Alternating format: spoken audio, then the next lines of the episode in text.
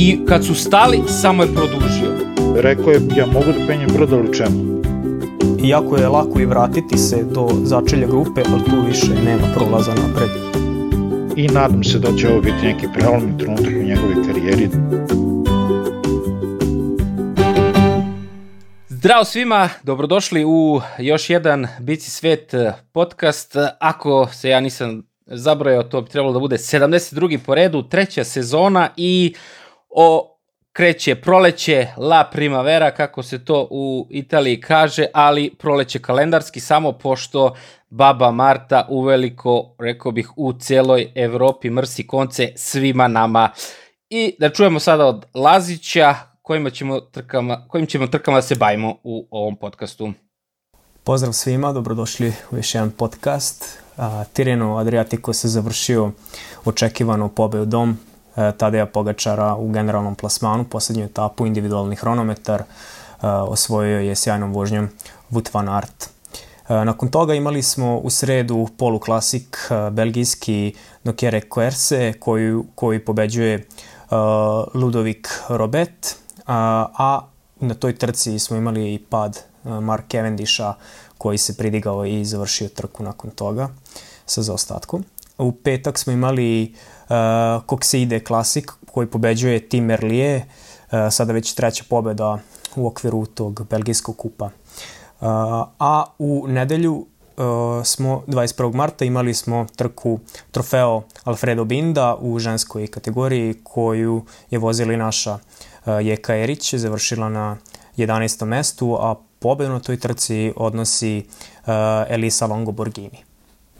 E, dobroveče s moje strane, e, kad je već Milan e, pomenuo rezultate trofeo Binda i pobedu Longo Borghini i odličnu predstavu naše Jeke Erić, da kažem par reči na, o, o toj trci. Imao sam prilike da gledam poslednjih 50 km i ono što sad već mogu da, da otvoreno kažem da počinje da mi smeta, je taj neki jako loš odnos prema ženskom biciklizmu, potpuno bez ikakvog razloga, jer a, ako nam se dopada kako napada Mark Hirschi, kako napada Matthew Van Der Poel, kako napada, eto, ima, imaćemo kasnije prilike da pričamo i o a, velikom, velikoj trci Milano San Remo, kako napadaju drugi vozači u muškoj konkurenciji. Mogu da vam kažem da a, u ženskoj konkurenciji trka do nekako ide do 50 km pre cilja i onda sad zamislite 20-30 vozača koji non stop napadaju.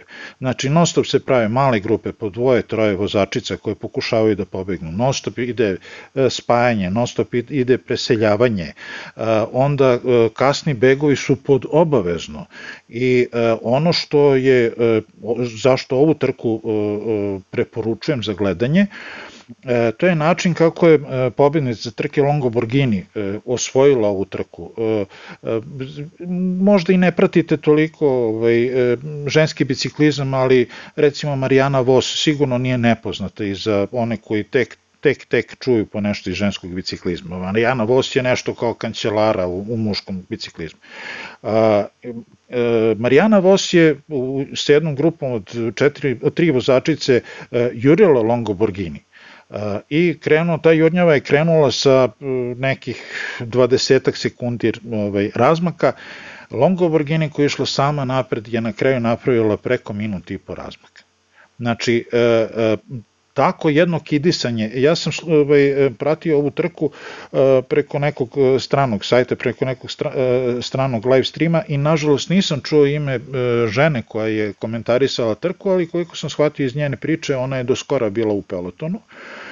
E, i e, stalno je potenciralo to dok su išli napadi, dok se Longo Borghini držala prilično rezervisano, bila je pozadi, ovaj, e, stalno je pominjala kako Longo Borghini ne može da prežali što nije dobila Stradi Bianchi.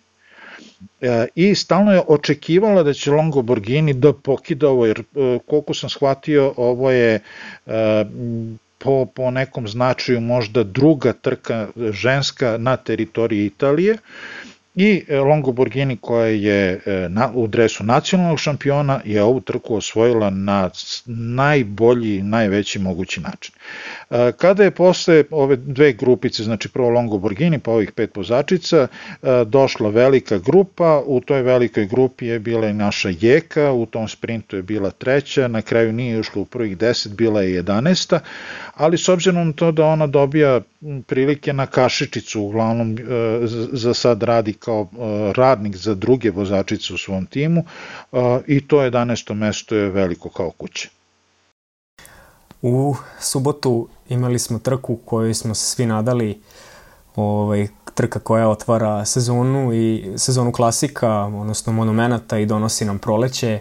Milano Sanremo, La Classicissima di Primavera, trka koja je nekako najnepredvidivija u celom kalendaru jer e, ne možemo nikada da sa sigurnošću kažemo da će najjači vozač pobediti, nego uvek dolazi do nekog taktiziranja u završnici.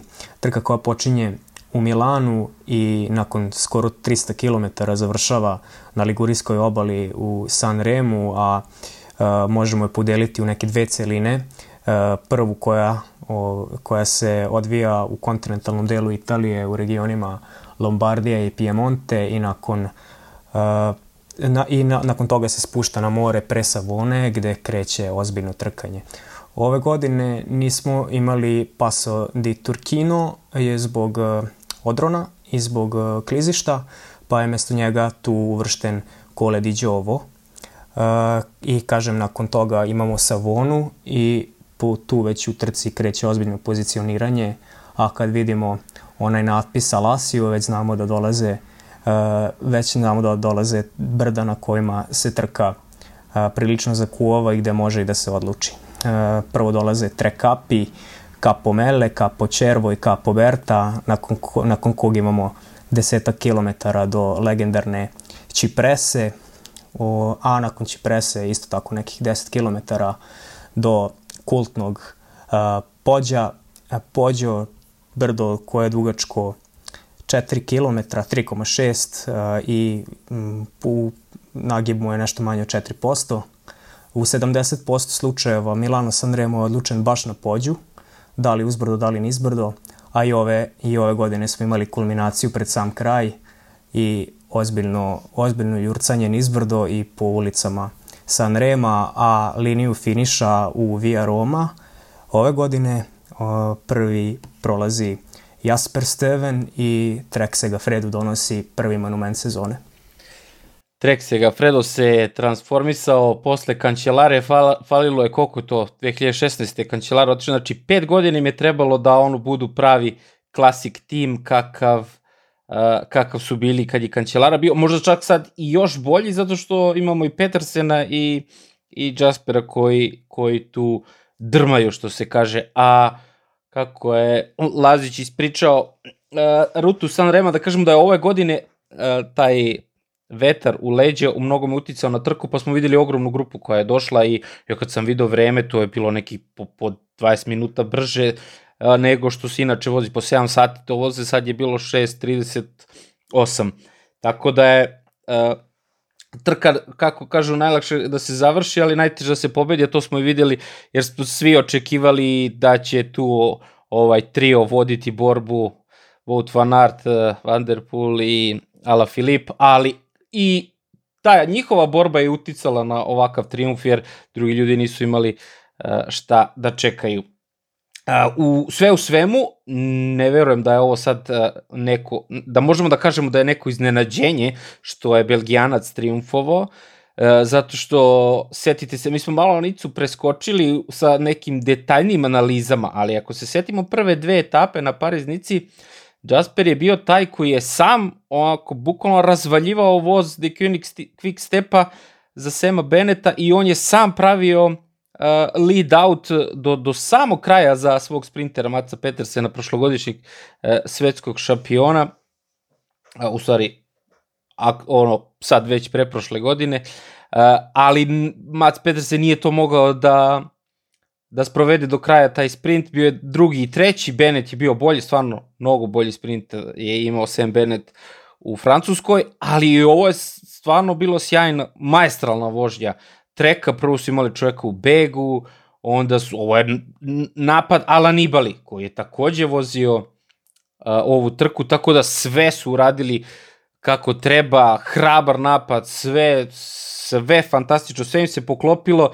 I imao je, uh, pričat ćemo, ajde da ja sad ne dužim, da kaže i svetioničar nešto, ali imao je dve, tri super uh, situacije koje su se odigrale u, u njegovu koristi kao pomoć od, od strane ostalih od stranih ostalih timova, ali uh, vratit ću se na to kasnije. Uh, ja sam do sad, od kako se završila trka, dva puta napisao i treći put ću da kažem. Uh, od 2016. godine i od onog pari Rubea gde, je, gde su padali Sagan i Kančelara i, i gde ih je Jasper vuko više od 100 km sam u pokušaju da stignu napred grupu koju je vuko Toni Martin, E, ja želim ovom čoveku uspeh i želim mu da, da ostvari neku veliku, dobru, jaku, značajnu pobedu. Nažalost, u vreme kada je kancelara odlazio, e, Trek se je opredelio za, za ovaj, Žarlisona Pantana, koji im je na kraju vratio ovaj, dopingom i ovaj, diskvalifikacijom za ovog čoveka stalno je bio drugi čovek, stalno je bio nešto kao dobro, aj nema niko drugi, aj sad ti, stalno je bio neko ko je vuko, spašavao situaciju u, u, u, u ekipi. A, I eto, sad mu se posrećilo i e, ja sam, ali zaista i kao e, veliki Saganov navijač e, ne mogu da zamislim nekog drugog da mi bude draže nego što je ovaj čovjek dobio, ali zaista jeste. I nadam se da će, da je to da će ovo biti neki prelomni trenutak u njegovoj karijeri da će da ćemo još gledati njegovih velikih pobjeda na drugim klasicima. Pa da, znači imali smo jedno ozbiljno ozbiljno nadmudrivanje nizbrdo ovaj gde gde m, Jasper odlazi u pravom momentu e, i to može da zahvali Pitcocku koji, koji je ovaj, animirao grupu nizbrdo i onako i Jasper izlete u pravom momentu kada niko nije, niko nije to nije očekivao, to smo videli iz, iz intervjua nakon cilja i, i Van der Pola i Van Arta.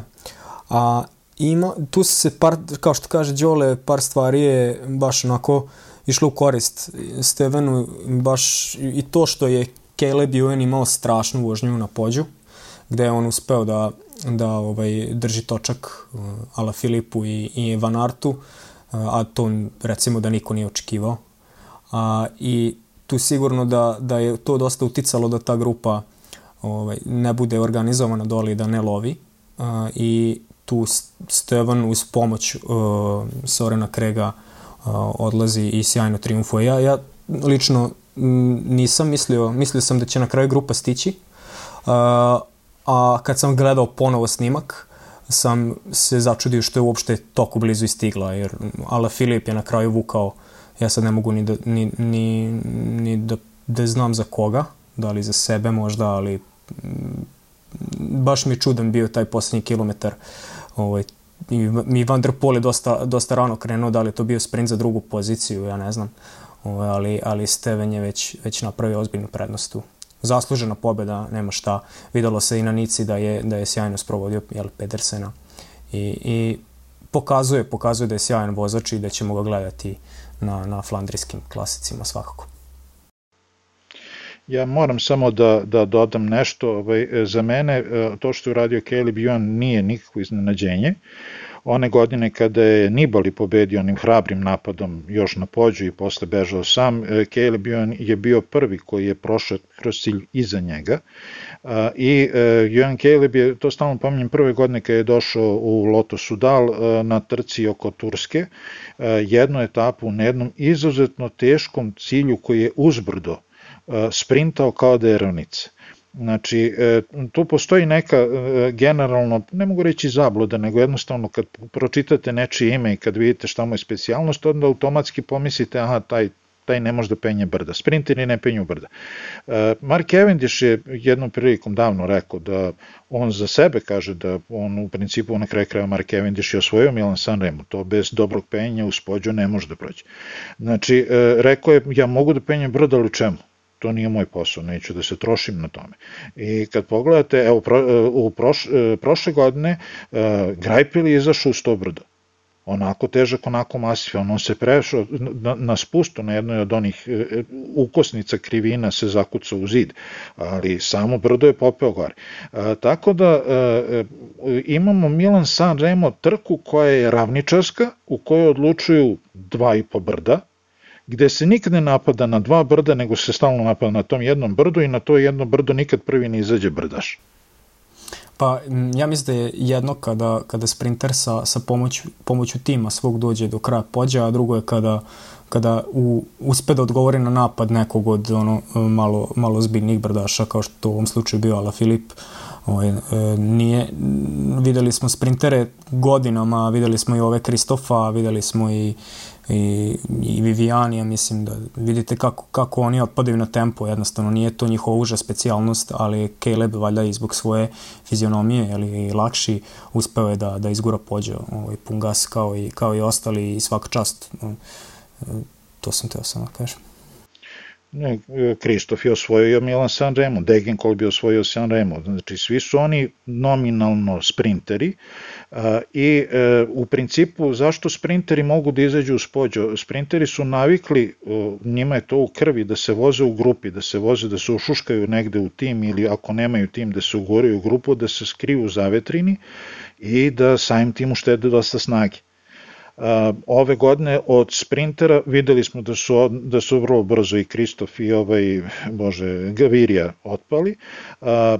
Viviani vozi neprepoznatljivo još od prošle godine kada je prešao iz Quick Stepa u, u Cofidis, njega nema pa nema, ali uglavnom svi, svi ostali ovaj, sprinteri i svi do jednog ovi pančeri, aj tako kako ih već zovu, napadači, specijalisti za klasike, su svi su izašli gore.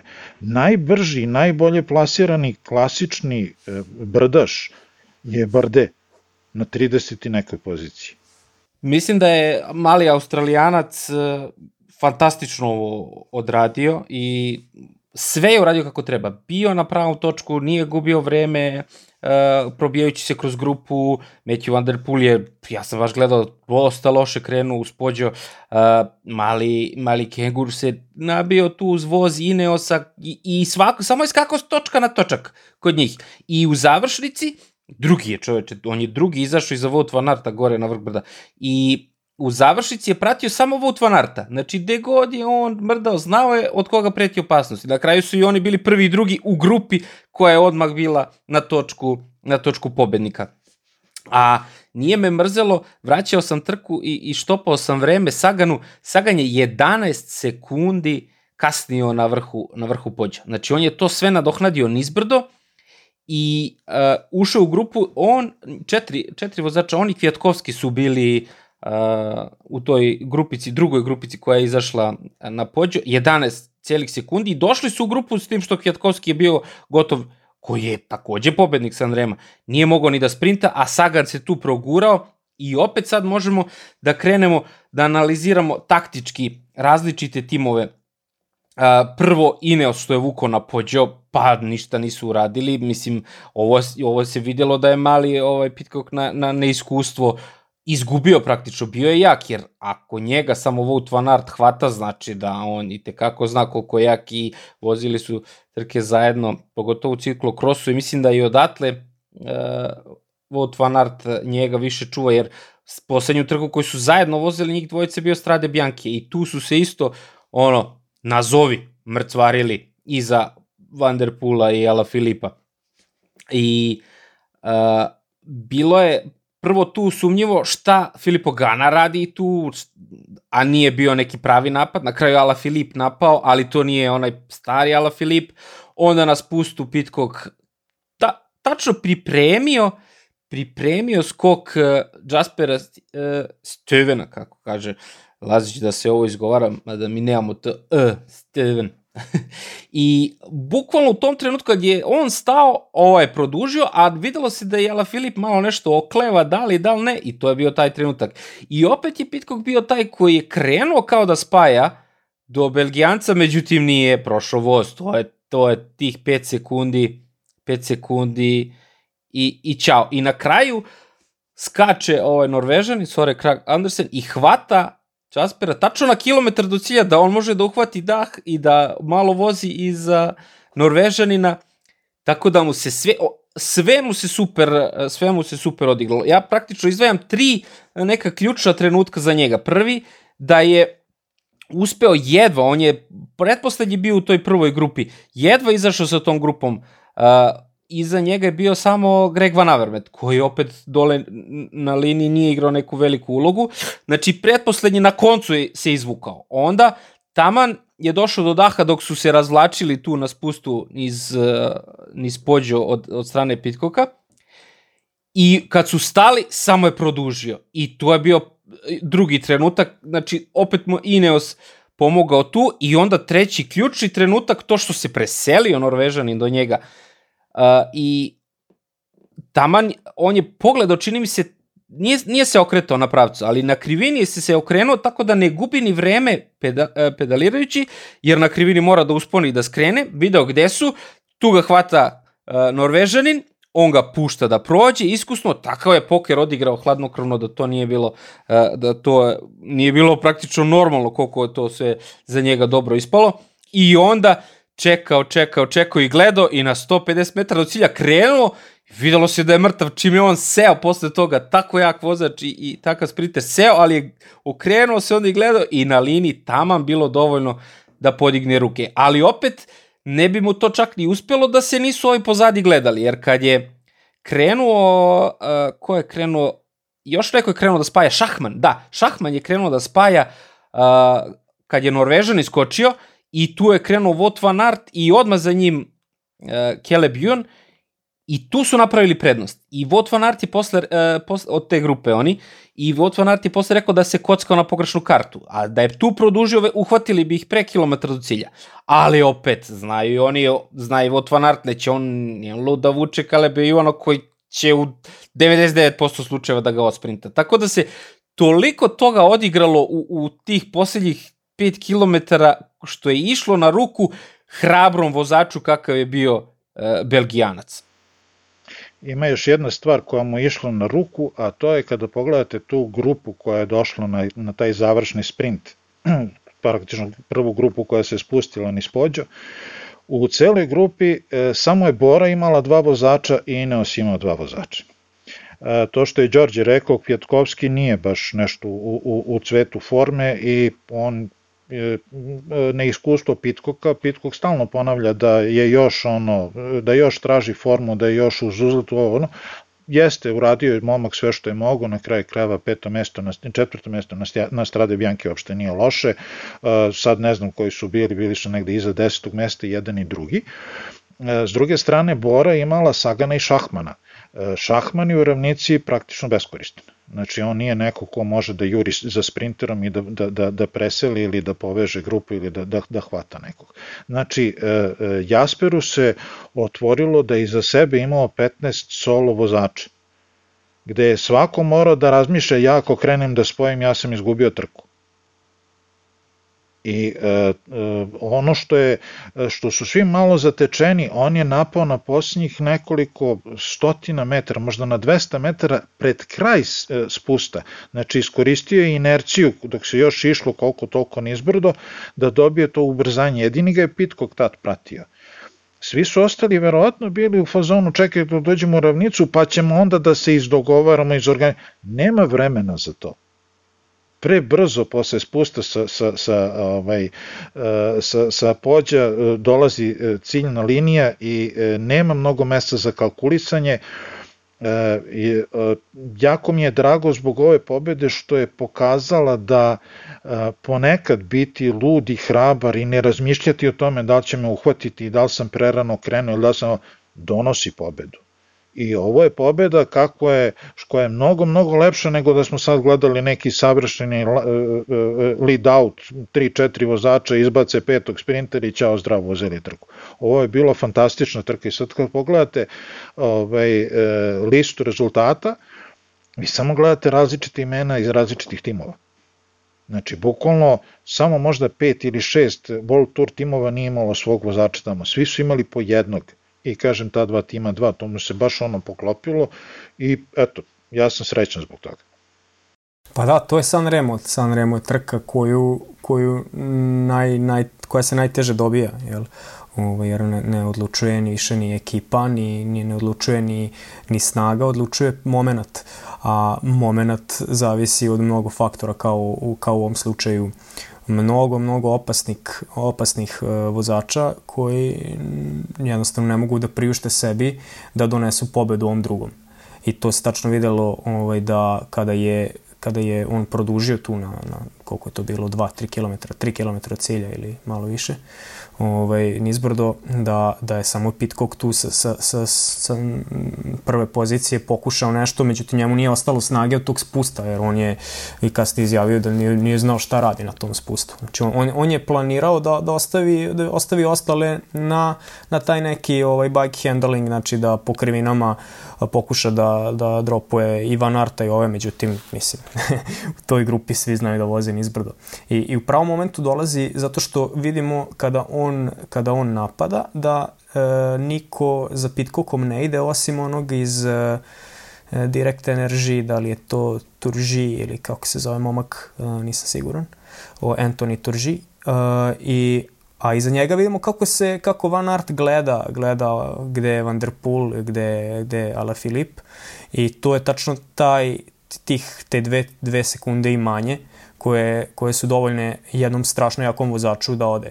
Ja ne znam ni da li su oni ovaj, ukapirali uopšte o kome se radi kad je, kad je produžio tu uh, Stevenio, jer su, mislim, ono, kockali su se da će ga uhvatiti, da će ga uhvatiti tu pred kraj, da će on izgubiti ovaj, snagu, ali nisu, nisu se nadali da on da ima u nogama još tih taj poslednji, poslednji ovaj, stisak na nekih o, 150 metara, jer da nije imao to u nogama, videli smo kako je Soren Craig prošao, koji, koji mu je tu pomogao i, i ključnih ono, 200-300 metara i više ga izvukao. Ovaj, da nije imao taj poslednji to, to poslednju onu iskricu u nogama, ovaj, sigurno, sigurno bi ovo bilo za sprintere.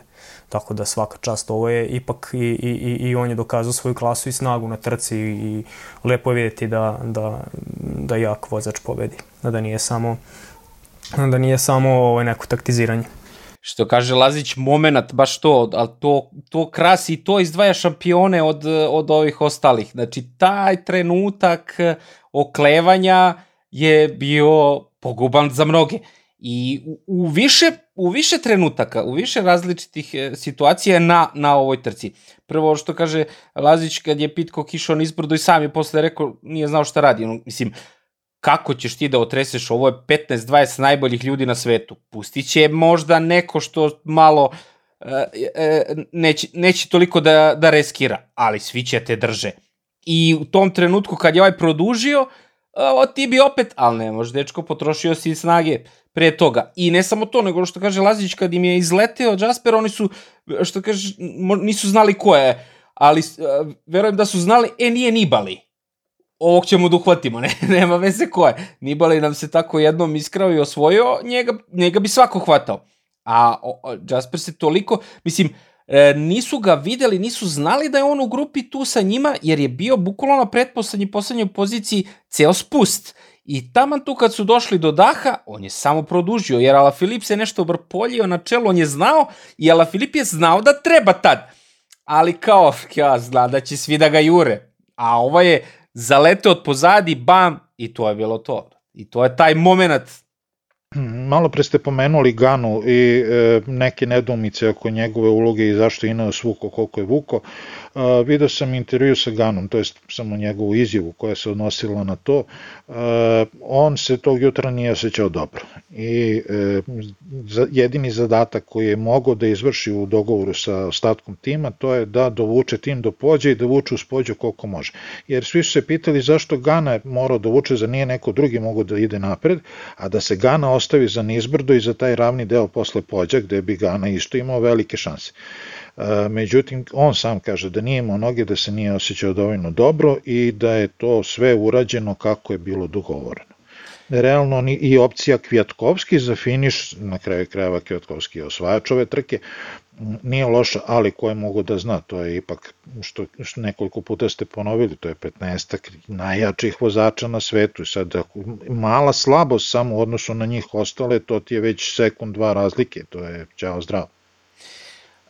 Ja bih samo možda stresirao ovaj, e, taj moment gde, gde, gde Quick Step ovaj, dolazi sa onakvim timom na, na Sanremo, sad ću pročitati sve koji su vozili, ovaj, to, to je ovako, ajde da kažemo, nekim redom od najmanje kvaliteta do najvišeg, ali ono, mislim, svi su perfektni vozači.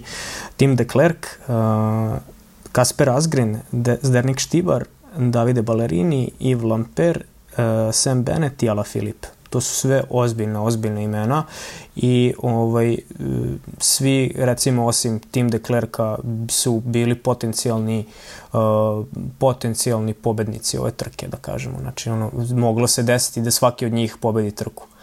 I tu se negde ta tatika quick stepa meni nije svidela i ja sam odmah na Twitteru napisao ono neki komentar strašno kao kad sam video tu postavu zato što sam znao da, da oni će se rasplinuti čim se desi prvi problem u ekipi, a to se i desilo. Znači prvo bušenje Sam Bennettu, on ostaje iza, pa sam lovi, pa da li će neko ostati s njim iza, pa se vraća Uh, čini mi se da li Lamper iza, da, da, ga, da ga vuče ili Štibar, nisam siguran. I tu, tu je nedostajalo, po mom mišljenju, podrške za La Filipa, jer da je njemu neko, uh, da su njemu izašli i napravili tempo na pođu, uh, on je mogao mnogo bolje da pripremi taj napad. Ja siguran sam u to. A umesto njega tu, tu je bio Ineos, uh, čini mi se da su oni vukli na, na, na pođu do kraja. I onda je on sa neke treće, četvrte pozicije napao. Ako se sad ne varam, ne mogu, ne mogu tačno da se setim, ali ali mislim da je to bio slučaj. Znači da nedostajalo je po mom mišljenju dosta loša, dosta loša ovaj ekipa da dođete na San Remo je ova ovde, gde su oni i više išli na tu na taj neki moment e, imamo za svaki scenario po čoveka, pa šta se desi? Na kraju niš, nisu ništa uradili, jer nisu tačno imali plan ni za jedan od tih scenarija šta da radi. A, a Ala Filip, kao što je Đole rekao, više nema nije to onaj, nije to onaj napad kao prošle godine kad ni, kad ni Van Aert nije uspeo da, da spoji, nego ga je morao stizati nizbrdo. Ja, ja se slažem ovde s tobom Laziću, ali e, samo bih dodao na, na ovu tvoju analizu quick stepa, znači bukvalno onog trenutka kad je Sam Bennett e, dobio defekt, trebalo se kaže, e, bataljuj ovog, ovaj gubi mnogo snage dok se vrati do grupe, jer te je nešto dobio na Cipresi, na najnekom nezgodnijem delu, ono na... Preći prese, da. Znači, nemoguće. Ostavljaj njega, nek radi šta hoće, nek baulja, nek odustane. Mi ostali svi pregrupisavanje Ala Filip. I to je ovo što kaže Lazić, gde je Ala Filip ostao sam tamo, a Vuko Ineos. A sad, ovo što, što svi kao Ineos taktika tamo ovamo, nemojmo zaboraviti da je Ineos i Filipo Gana da je otresao tima Velensa čoveka koji je pobedio onu etapnu trku, šta je ono bilo u Francuskoj, sad se više ni ne sećam, Provence ili koja već je bila, ali samo se puko čovjek, samo se sklonio sa strane i čao, e, ja otpado. A mali njegov uh, ovaj kengur Kalebion drži. Znači, ne odradila je neki posao ta taktika Ineosa. A uh, zaboravio sam kad je svetioničar uh, Boru malo prepominjao i kad rekao je da je E, šahman beskoristan izbrdo. Nije šahman beskoristan po ravnom koliko je e, šahman neuigran sa Saganom, koliko šahman nikako ne funkcioniše sa Saganom. Ko prati naše podcaste, setit će se da sam prošle, preprošle godine baš pričao nekoliko puta o tom trenutku, o tom jednom detalju kada uh, Sagan se pozdravlja nešto u busu sa šahmanom. Znači, to je bukvalno kao da sad mene stavi neko pored nekog random ovde Nemce, kaže, e, pozdravite se i mi sad kao pozdravimo, a da niko ne pita ništa zašto smo se pozdravili. Znači, bukvalno takva distanca svemirska ono u, u galaksijama, jer jednostavno ne voze trke zajedno. I Bora dolazi sa tri čoveka, znači imali su Ackermana za sprint, imali su Šahmana, pobednika Pariznice i Sagana koji je tu lutrija. Nije bio u formi, bolestan, ali je Sagan najiskusniji, najpametniji u ovim, ovim situacijama. I znači da su oni uigrani, Sagan kad je sišao dole, samo da pipne Šahmana pod upetu i kaže, e brate, tu sam, sad ti vučeš. Nema šta, nema šta Šahman da skače više tamo hvata Krag Andersena da on nešto ide solo kad nema taj cug i taj sprint. Znači, ali to, pazi, to sad moja analiza, to uopšte nije ni malo lako. Znači, to, to može uigrana ekipa koja je quick step. Ali ovde vidimo da Bora nije uigrana da Sagan ne funkcioniše, ono što smo stalno pričali, da Sagan nije u, u tom timu. Sagan je zlatna koka, ali je sama zlatna koka, nije deo, deo tog tima. I tu, znači, tu su oni mogli, znači, u tom trenutku nema, što, što kaže Svetioničar, samo oni imaju dva čoveka.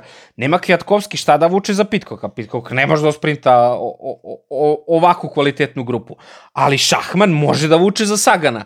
I Sagan je imao najbolji sprint. On je iz neke tamo nenormalne pozicije sprintao i prošao Matthew Van Der Poola. Znači čoveka koji je drmao na svim ovim prethodnim trkama, Sagan ga je osprintao, kaže onako, e, bolestan sam došao i osprito ga na 300 ton kilometru. Znači, tu ta sitnica koja Bori fali, koju mi godinama unazad pričamo, ističemo, to je njih koštalo ovde San Rema.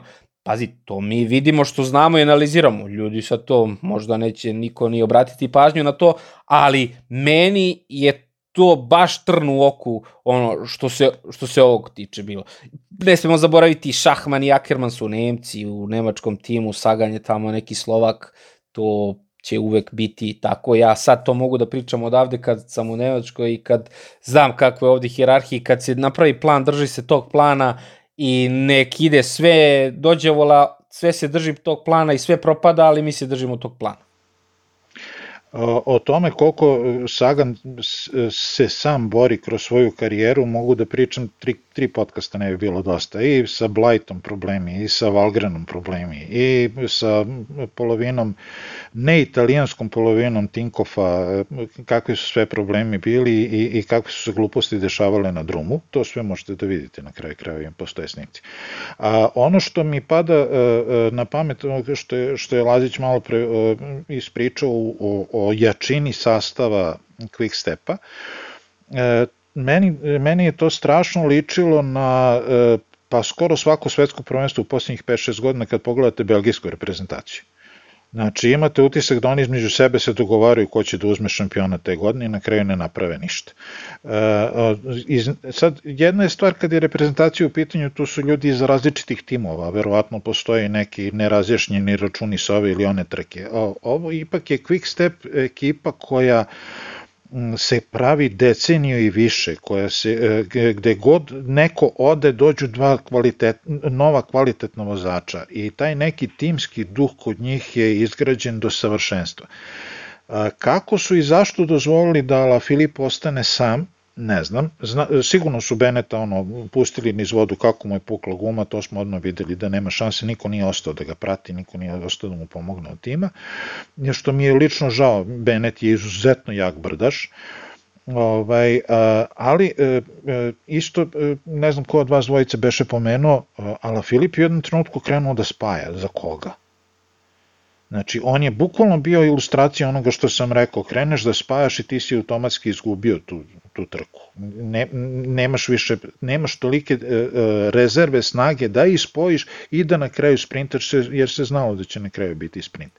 Ali onaj trenutak e, za koji mislim da je promašaj Ala Filipov, e, to je trenutak kada je napao na pođu Pođo, e, kada pogledamo neke klasične trke, klasične etape, ni Pođo ni Presa nešto ne bi dobacili do treć, recimo uspona treće kategorije. Oni sami po sebi nisu ni teški, ni zahtevni, ni dugi, ali dolaze posle 300 km trkanja, kad su noge ne od olova, nego ne znamo čega. Postoji taj stepenik, jedan od osam stepeni, znači pođe u prosjeku 4 stepena ovaj, e, e, uspon, postoji taj jedan stepenik od 8 stepeni. Ja mislim da ga ovaj put Ala Filip promašio. I zbog toga je mnogo ljudi se vezalo za njega. Mislim, u startu je troje, četvoro, petoro ljudi se vrlo brzo skupilo iza njega. Nije mogo da ostane jedan na jedan sa nekim. E, I pročitao sam od e, našeg prijatelja, e, e komšije iz Rumunije, Mihala Simona, fantastičan komentar kao najveća greška na pođu je što Caleb nije dao pedalu svim ostalim, što nije napao na on na pođu. Jer ovaj, e, svi su se, e, svi su, imam utisak da su bili svi okovani tim nekim strahom, tim nekim e, e, čekanjem i čuvanjem onog drugog.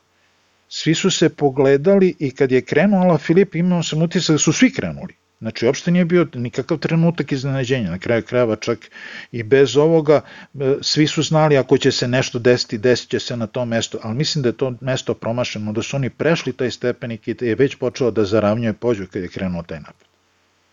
Vrlo moguće. I ja sam se nešto čudio, nešto mi nije to taj napad, nisam sad ni ja zapamtio gdje je tačno to treba da bude, ali i, i ovo je odličan komentar, to sam skroz zaboravio, ono, koliko je bio mali jak Kengu na kraju, da je on samo produžio, onda iskočio, pa oljuštio bi ih sve, ali ne bi, svi bi ga jurili uh, posle na spustu, ništa tu ne bi dobio, ali da je, na primjer, on bio taj, to onako da je bio onako jak i superioran kad Tim Valens koji je ono, ne zna šta je, da li je brdaš, da li je all-rounder, da li je šta je, ali je isto uh, vozač za, za sve terene, kad je on onako puko i sklonio se, samo da je produžio, bio bi super napad, bilo bi dobra zabava. Sad, da li bi to nešto uspelo, to je sad veliko pitanje.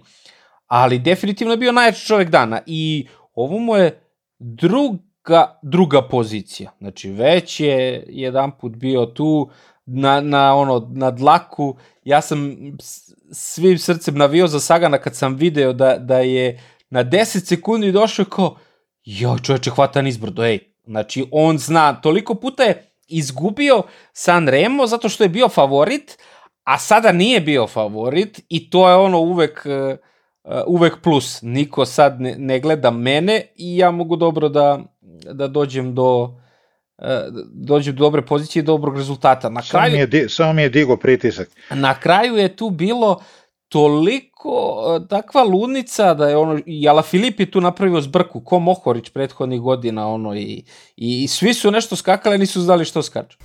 Pa nisu oni mogli da skoče na pođu pred, zato što je Gana držao ozbiljan tempo tu i kad, je, kad se sklonio Gana, mislim da je iza njega ostao ili Van Barle ili ovaj Puća, Salvatore Puća. I tačno se videlo da je, da je tu malo popustio tempo kad, kad se sklonio Gana i to je ohrabrilo Jelala Filipa da, da napravi napad. Tu niko se ne bi usudio da, da napravi napad jer, jer sa, ti dok dođeš do čela, dok izađeš uopšte iz tog, uh, s te treće, četvrte pozicije, pete, šeste, gde su bili ti favoriti, ti, ti si potrošio sav, sav, sav napor koji si predodredio za, za taj napad, da, da napraviš ovaj, uh, da napraviš ono, tu neku prazninu, da kažem, gap, kako se to kaže. E, jedna od stvari, jedna od stvari koja mi je ostao žal uh, ove godine za, za ovaj San Remo, uh, realno sama staza San Remo je poprilično neinteresantna. Ide se po ravnici kroz kopno, onda se prelazi, to je jedno brdo, siđe se na more, onda se ide uz more, bude ta dva, tri mala ovaj, uspona, dođe Čipresa, dođe pođe. Znači, to je samo iscrpljivanje na dužinu tr, e, e, ovaj, etape ili trke, kako god. Ja sam se nešto nadao da će organizatori trke ispuniti pretnju koju su imali prošle godine. Prošle godine je dobrim delom trka išla izmenjenom stazom, nije išla uz more, nego je išla kopnom, zato što, a da se podsjetimo, prošle godine je San Remo otkazan u vreme kada je trebao da bude, pa su ga onda držali kada je bilo negde krajem avgusta, kada je bila turistička sezona i onda je tek ta ovaj, e, Italija počela malo da se otvara posle prvog talasa korone, gradonačelnici sedam ili osam tih mesta koje su bila na, planirana da budu e, deo etape su ovaj, da, stavili za, praktično zabranu da trka prođe kroz njihov grad, da se ne bi uznemiravali ti raznorazni a, bezbednostni sistemi, da se ne bi ljudi okupljali u većem broju, što ti ja znam, i onda je bilo ovaj, priča o tome kao, e, sledeće godine ćete vidjeti da ćemo da, da prođemo ovaj, kroz vaše gradove, nažalost, pod verovatno pritiskom turizma i svega ostaloga, dajte reklamu za gradove, treba se živi od turizma, treba se privuku ljudi. E, trka je vraćena na, na, ovu, na ovu stazu. E, ja bih stvarno volao da vidim San Remo, mada ne znam kako bi se to izdržalo 300 km, ali sa nekim većim brdima, sa nekim češćim brdima, pogotovo pred kraj, to bi bilo verovatno ono, ko, ko pređe brdo pobedio je trku ili tako nešto. Ali to bi, to bi bila potpuno druga trka. Mi, mi volimo sigurno, Sanremo baš zbog sigurno. toga što, a mi volimo Sanremo baš zato što nikad ne znaš da li će pobediti sprinter ili će pobediti neko ko će da zakuva čorbu na, na, na pođu. Da, ali ja kad pogledaš on od skoro 7 sati trkanja ili koliko već ti praktično 6,5 sati ne možeš da radiš ništa. Ako ne bude nekih jakih udara vetra i ako ne bude nekih cepanja grupe zbog toga i na, ili ne de bože padova, praktično se ništa Ali ne tu desi. poslednjih, Pogotovo vidio si sad se... tu poslednjih 100 km čim oni siđu tu na, na obalu pre Savone, znači tu je Ja sam očekivao ove godine da će biti ešalon, jer sam gledao ujutru prognozu i pokazivali su na tom mestu, znači ceo, ceo deo uz obalu, da će biti severozapadni vetar 30 km na sat. To zna da bude popriličan udar, pogotovo ako je na mestima gde je stena odmah uz put. Znači vetar koji dođe, ove, ako dođe pogotovo s mora, na, to, na tom mestu zna da, da napravi haos. Međutim, toga nije bilo. Čak jedan put kad je došlo do pucanja na dve ili tri grupe, vrlo brzo se sve to spojilo. Uh, tu ne, nije moglo bi doći do pucanja jer je bio vetar u leđa, znači tu ovaj, da je bilo možda malo više sa strane pa da se, pa da se, da se napravi ne, neka razlika, ali prilično je tu krivudav put i nema konstantnih pravaca gde bi moglo to da popuca. Uh, više je zaklonjeno sa, sa raznih strana, da li ovaj, od nekih tih tunela ili gradića malih. Ono što je, što je fora kod Sanrema je to što je on ono, 100 km poslednjih je ogroman stres, znači tu već kreće ozbiljno guranje, znači gledali smo pre, pre čim, je, čim su prošli taj uh, Alasio, čim se došlo na te na trekape, trekapi, ovaj, tu je već ozbiljno guranje počelo i videli smo da je tu deblji kraj izvukao sam ono Matthew Van Der Poel ono našao se u više više trenutaka trenutaka negde na sredini grupe ili pozadi gde nije nije želeo da bude i tu više nema da te sprovede timski kolega napred jer i sam slušao sam danas Hornera koji priča ovaj svoje doživljaje sa Sanrema ranije kad je kad je donosio ovaj ono hranu svom timskom vozaču, ne znam kome tačno, Uh, kaže, iako je, iako je lako vratiti se do, do, do timskih vozila, uzeti ovaj, hranu, Iako je lako i vratiti se do začelja grupe, ali tu više nema prolaza napred. Znači ima da se, možeš da se guraš pored sa, sa leve strane sa zaštitnom ogradom i možda se guraš sa kamenim zidom sa desne strane da bi prošao napred. I baš smo to videli ove godine gde se, gde se Matthew gura sa, sa, sa, sa kamenom da bi, da bi prošao napred, rizikuje da padne, troši ogromno, ono, ogromno mnogo napora, loše bude pozicioniran na pođu, bude tek negde na nekoj 10. 11. poziciji kada Ala Filip ili čak i iza još, kada Ala Filip pokuša da napadne, troši ogromnu snagu da spoji i tu da je, da je on sav taj napor ovaj, e, nekako stavio pod jedno i, i, i napao možda bi i uspeo da se odvoji. I tu dolazimo do, do tima koji je bitan i, i baš tu Alpecin Phoenix nikakav posao nije uradio jer oni su uh, čini mi se imali e, Drisa de Bonta, belgijskog šampiona, koji je kao izašao na čelo grupe i to mi je više ličilo kao da on želi sam da se pokaže nego bilo šta da uradi za, za Van der Pole, jer ono, nemaju ni to ni neki voz da bi se sad tu ovaj, e, sjatili na čelo grupe pa izvezli pođo u tempu kao što to uradio Ineos. Uh, znači on je vukao napred, Van der Pol mu je bio sa strane, niti, niti ga je ko štitio, ni, ni šta, on sva sreća zna da vozi uh, ovaj, opasno, pa, pa, pa se nekako sačuvao, ali tako smo videli Cavendisha da udara u onaj znak, zato što je ogroman je stres u grupi, uh, tu više se ne zna ko je gde, nije to, nije to kao 12. 13. etapa tura gde se ide polako, tu se ide 60 na sat u ravnici.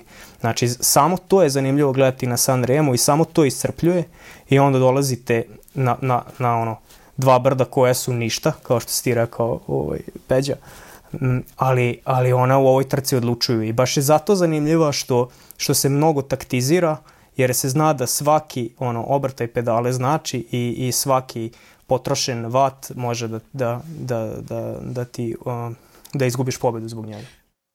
Pa to je ovo što, što kažeš ti Lazić, ja sam to uvek i dok sam komentarisao pričao, e, svaka zavetrina i svaka, svaka ušteda u, u okretaju pedale se računa na, na Sanremu, a to je baš ono što si pričao što Matthew Van Der Poel nije imao, što je ostalo nešto, sam se tu nešto gurao, prolazio i trošio mrvicu energije ovde, mrvicu energije tamo i prvi je krenuo on u sprint i na kraju ga prošlo četiri vozača, u stvari tri vozača. Znači, Caleb koji je ono, koji bi prošao sve, i Wout van Aert koji videli smo na tirenu sprinta sprintere, i Sagan koji je ono izvukao na, na, ono, na iskustvo dugogodišnje i na, na sve one izgubljene trke na San Remu, meni je ovo njegovo četvrto mesto kao podijom, bukvalno. Ono.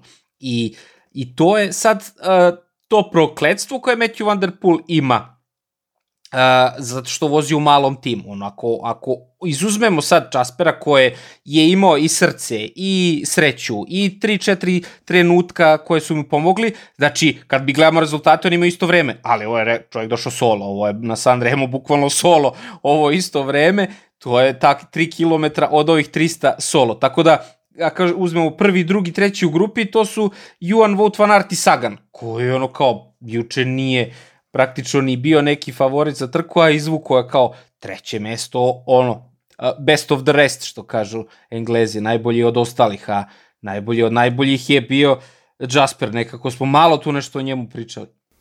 Uh, ja bih samo da, da, se, da se vratim na ovo kao promenu rute za San Remo i to. Ja sad sam se setio 2014. su, su ovaj, uh, RCS je hteo da promeni rutu San Rema, da ubace još jedno brdo između Čipresa i Pođa, da to mislim brdo se zove Pompejana ili tako nešto.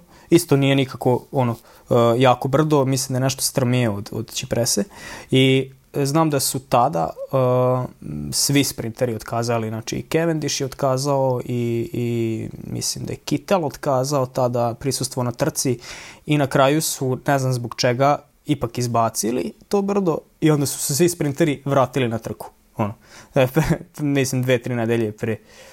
E, da, znate, ovaj, malo, malo ovaj, e, priče sa strane. Znate šta je znači Čipresa? Zašto je Čipresa dobila ime? Ne tu su, ne znam u kom veku, davno nekoliko brodova Kiprana se iskrcalo i napravili to naselje koje je oko tog brda.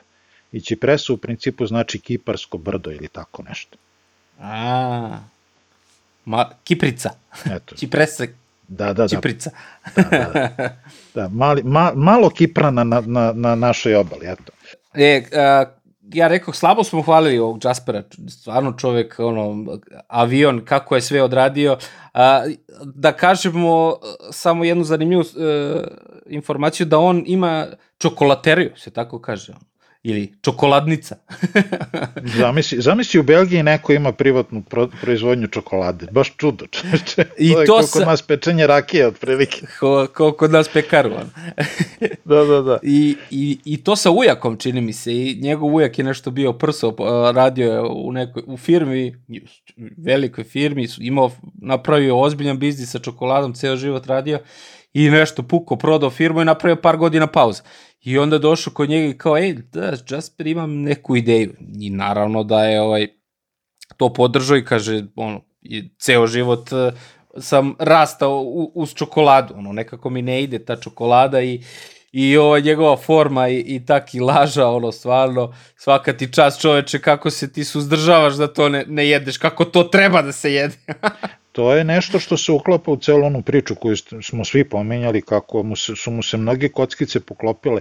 Nažalost, i taj neki ne mogu reći tamna strana medalje njegove karijere, nije ništa mu se ružno nije desilo, ne bože, nego ovaj, jednostavno je tako bio, stalno je bio uh, nešto ispod radara, nešto pomoćnik, nešto, ajde ti ćeš da budeš drugi na, na, na trci, pa ako nešto iskrsne probaj da uradiš, da spasiš, da ovo, da ono. I e, ja verujem da svi oni u pelotonu, gde god i kako god se ovaj, nalaze i kako god voze, znaju gde im je koji konkurent glavni. I ono što ste svi pomenuli i što smo svi videli, verovatno su svi kad su sišli s polja znali da Nibali nije s njima. I kad je ovaj izletao, stvarno su kao bio, aha, to je neko iz treka, nema veze, kao nije bitno ko je, stićemo, uradit ćemo posao, bitno da nije Nibali. Ispostavilo se da je ta ta, ta mala doza pocenjivanja koja, hteli mi to da priznamo ili ne, uvek postoji. E, e, zato i, i neki mali nama nepoznati vozači uspevaju da ukradu tu i tamo po neku etapu ovaj, e, i na kraju krajeva da zasole e, i da učine prijatnijim gledanje bilo koje trke. Uvek, mi, uvek navijamo za slabijeg, svi imamo nekog svog super heroja i super junaka, ali kad se pojavi neki anonimus, ja mislim da svi automatski počnemo za njega da navijamo što se više bliži liniji cilja. to je ujedno, mislim, i greška u analizi, ono, pripremi trke svih ostalih timova, jer obično vozači dobiju liste brojeva koje moraju ono, da, da, da obrati pažnju, da markiraju, a samo ću reći da je, da je Jasper Steven bio dve, 237, znači... Nikakav ovaj, broj. Po, a najveći broj u trci je bio 240, 247 je bio Mateo Trentin u UAE, a ovo je bio 237, znači poslednji u okviru Trek Segafreda. Ono. Nibal je bio 231 i, i obično se gleda ta jedinica na kraju broja i to ti je neki znak da je, da je to jel, prvi vozač tima i, i to se hvata. On izlazi 237 na, na kraju pođa, pa vata se to lako. To je svima prošlo kroz glavu čim su, po, čim su videli, onda je verovatno malo njima došlo no, došlo do, do, do glave da je to ipak malo jači vozač kad je, kad je otišao već. I onda neću ja, neću ja znači naravučenje za sledeći San Remo Sagan da stavi broj 208 ili tako neki, da ga niko ne prepozna. Ne, pa ima ovo što Lazić kaže, ako ne poznaješ dobro vozača, a oni se, o, ovi svi što su se gledali, uh, su se gledali jer se znaju, onako baš. I sad kao neki iz treka, a nije Petersen, znaju Petersena zato što je prošle godine nosio majicu duginih boja i kao ovo je neki krupan, ono, kao, znaš, ko sad izlete ovo, znaš, ovaj, nije, ovaj ne bi trebalo da bude s nama. Po svim onim, kako je skočio Ala Filip, kako je držao ovaj, držao onaj, ovaj ne treba bude s nama u grupi i kako smo išli jako uz pođe. Ja nisam sad ispratio koliko je išlo tu pođe, koliko, koji je prosek su napravili, ali bilo je to muški, Gana je to razvuko. E, nešto malo, 10, za, 10 zarez nešto minuta, daleko od najbržih vremena, najbrže vreme negde 8 i nešto, ove, a ovo je negde 10 i po, koliko sam negde pročitao. Ja samo znam da je Matthew Van Der Poel imao ovaj KOM na prva 3 km pođe jer je nadoknadio uh, pola pozicije koje je mogao da nadoknadi. Ovaj, tako da tu je, eto, opet ta potrošnja energije. A što tiče, e, što tiče Stevena, hteo sam samo da kažem, sad mi pobeže misao. Setit ćeš se, setit ćeš se sledećeg um, podcasta. Da, da, oni su, oni su, oni su Belgi, on je belgijanac, njega dobro, njega oni dobro znaju, ovaj, ali mislim da su ga pocenili što se tiče njegovog, ono, što se tiče njegovih mogućnosti. Njemu je čestitao Van der Poel čim su ušli u cilj, oni su, ono, poznaju se, dobri su drugari, ovaj, tako da zna, znali su oni ko napada, ali mislim da su možda čak i mislili da, da, da, da on ne može da to uradi što je uradio. Ili ne, mislim, bio je fantastičan napad i onda kao, sledeće pomisle kao, brate, kako nam ovaj izlete? Znaš, kako nam se ovaj iskrao? Jer je, ono, kako bi se reklo urličnim žargonom, rohnuo, brate, svaka mu čast. I odmah je krenuo Pitcock, ali to je, i to odmah je već bilo kasno. I onda su kao, u, brate, ovaj ode. Znaš, i kao, neću ja da jurim. Znaš, onda skače ovaj Norvežanin se isto preseljava na istu, na isti onaj moment, što kaže Lazić, se preseljava kao, brate, ode još jedan. I onda, znaš, kreće šahman nešto tu, kao, aj ti, brate, nećeš, znaš, ti si pobedio Pariznicu, tebe puštati nećemo. Treći je već mnogo, znači, to je taj moment koji razdvaja, sam i malo pre rekao, prave šampione od, od ostalih. Treba da osetiš, da, da imaš to, to je neki instinkt, to je neko šesto čulog, da, mislim, Treba je prvo imati noge, treba vozač da ima noge za tako nešto, pa tek onda i da zna i da se trka, a i ovo što kaže Lazić, on je belgijanac, njemu je to trkanje u krvi, ono, znači, oni znaju kad je to, kad je pravi trenutak, samo je pitanje, mislim da ne samo on, nego svi znaju kad je pravi trenutak, ali niko nije imao petlju i uh, i noge za tako nešto. I svi su kao neću ja, neću ja, nek vuče ovaj, svi su se tu kockali i svi su izgubili. U svakom slučaju jedna od, jedna od prijatnih iznenađenja, e, pa znaš što, meni ovo na nivou iznenađenja kada je Ciolek na, na, na, na ciljnoj liniji prošao Sagana i Kancelariju, Kancelaru. E, znači, čovjek nije otkuda, čovjek iz tada vrlo malog i ne, malte ne nepoznatog kluba, on jeste bio čovjek pre toga vozio za velike timove, ali je otišao tad u Kubeku za koju se skoro ništa nije ni znao i donao im jednu tako veliku pobedu gde smo svi gledali dva najveća vozača u tom trenutku, hoće biti, neće biti. Oni su se gledali između sebe i čovjek samo prođe pored njih. Ovaj, e, sve je to ok, e, ja bih e, možda privao priču o ovoj trci kraju sa jednom vešću koju sam čuo pre pola sata. A, Kom kraju nema kraja, ima još sat vremena da pričamo o Jasperu. Pa dobro, tek, tek sat vremena pričamo, da. Ovaj, u svakom slučaju, pre pola sata sam video ovaj, na, na Twitteru vest da postoji velika mogućnost da Pari Rube bude otkazan i ove godine. Što znači, gledajte klasike, gledajte trke svaku koja bude i kako bude, jer pitanje je moguće lako da se desi da... To je izjavio prefekt e, severnog dela Francuske, e, znači čovek koji je praktično predsednik lokalne vlade i e, s obzirom na zdravstvenu situaciju koja je tamo takva kakva jeste i mere bezbednosti, može lako da se desi da Rubea i ove godine ne bude, to je za tri nedelje. Mm. Pa da, evo i ovde u, kod mene u Nemačkoj opet kreće neki ko zna ko je lockdown, ono i rekli su da neće biti do do maja, da će do maja opet da bude ono sve zatvoreno, opet ništa ne radi. Samo što smo nek, malo prodisali jedno par nedelja, ne znam da smo sastavili mesec dana, opet nema vrtići, nema škole, nema ništa, tako da se sve to translatorno prenosi ono, tom, tom horizontalnom linijom gore tu je već Belgija, Holandija. Belgijanci će možda nekako i da izguraju te trke, ali Francuzi nisu, nisu složni. To, što se tiče tog sportskog dela i tog, onoga, kažemo, humanog dela, u, ono, i Belgijanci su i prošle godine izgurali i, i Flandriju, a Rube izvisio. Da, imali su prošle godine, smo imali onu situaciju da, je, da su vozili trku jednu stranom ulice, jer na drugoj strani je druga država gde je zabranjena trka. Znači, to ovaj, beše na Hallerbekeu, baš, baš ili ne, Bing Bang turu, ili gde beše jedna od etapa. Ono kad su gurali sve etape Bing Bang tura u, u jedan region, nisu mogli da se šetaju gde su hteli. Uh, teško je to shvatiti, nažalost, kao i sve druge nesreće, i ova ne, ne priznaje i ne poznaje granice administrativne linije i neke druge stvari na koje, za koje nažalost se vezujemo. Ja se nadam da, da, da ćemo ove godine proći i, i ne samo što se biciklizma trč, tiče, nego i svega ostalog da će se život vratiti u normalu, ali kažem, ako već pričamo o biciklizmu, iskoristite svaki dan za gledanje svih trka koje imate, jer pitanje je opet da li će ili neće trkanja biti. Mislim da italijani čini mi se da ok rade posao što se tiče ovih trka. Ja nisam video u Sanremu skoro nikoga na cilju. Nisam video ni u Sijeni. Bilo je, bilo je nekoliko ono gledalaca na Via Santa Catarina i to je to. Ovaj, a na Nici smo viđali ovaj, u publik, publiku na, na cilju. To gotovo u svim etapama je bilo publike na cilju i onako grupe, grupe ljudi. Ovaj, u Italiji čini se da, da, da, da se uopšte ne zezaju. Ne, to si potpuno, to si potpuno, upravo, potpuno si u pravu za Italiju, ja sam obratio pažnju, čak i ono malo što se videlo, svi su imali sredstvo zaštite, držali rastojanje i 300 čuda, čak i oni ludaci sa onim bakljama, ajde, sklonili su ih na vrst grada i bilo ih je par komada samo, ajde, nije bitno, ali opet pari rube, pari rube, to znamo kako izgleda, to je hiljade i hiljade ljudi u stazu na pojedinim mestima, pogotovo na onim, zamisli sad šumu Arenberg bez publike ili na ulazu ili izlazu bar, to teško da će moći da se izvede.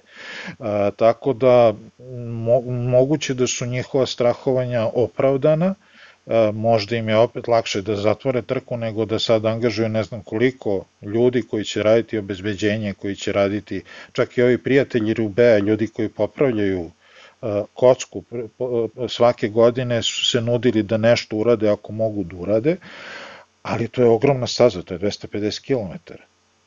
Puta dve strane. Vidjet ćemo ko će tu da preovlada, šta će da se desi. U svakom slučaju i ja bi uh, se složio sa, sa Predrakom. Gledamo trke sve što ima, jer opet miriše da će biti neko Zwift trkanje, a to baš i nije nešto interesantno za komentarisanje. Da, ja, ja mislim da će uspeti Fland, flandrijski klasici da se održe, jer ono, ta Flanders Classics organizacija uspela da, da stavi ono šapu na sve te ove, ozbiljnije uspone, da ih ogradi, da naplaćaju ulaznice i pivo i sve, tako da oni lako mogu to da da zatvore, jer je sve ograđeno, a ovaj, kao što ste rekli na sektorima, sektori na Pari Rubeu nisu nikako zaštićeni, su, su uvek špaliri, Monzon Pevel i Carrefour de l'Arbre, Ovaj, da, videli smo da Les Amis du Paris Roubaix ovaj, već ovaj, održavaju Monzon Pevel, ovaj, neko je napisao ima da ga uglačaju kao, kao da bude s dve zvezdice, ali neće. Uglavnom, kraj e, marta biće E3, klasik čuveni i, i posle prvi vikend aprila je Flandrija, onda 11. treba da bude Rube, da li ćemo dobaciti dotle, ne znam, vidjet ćemo i to je to što se tiče ovog e, podcasta. Pozivam vas da, ako vam se uh, svideo podcast, preporučite vašim uh, prijateljima, ukoliko već neko ne zna, i da nam pišete naravno u komentarima na društvenim mrežama i gde već pratite ovaj podcast na svim audio platformama ili na, na YouTube-u. To je to. Pozdrav od nas za ovaj put. Prijetno. Pozdrav od moje strane.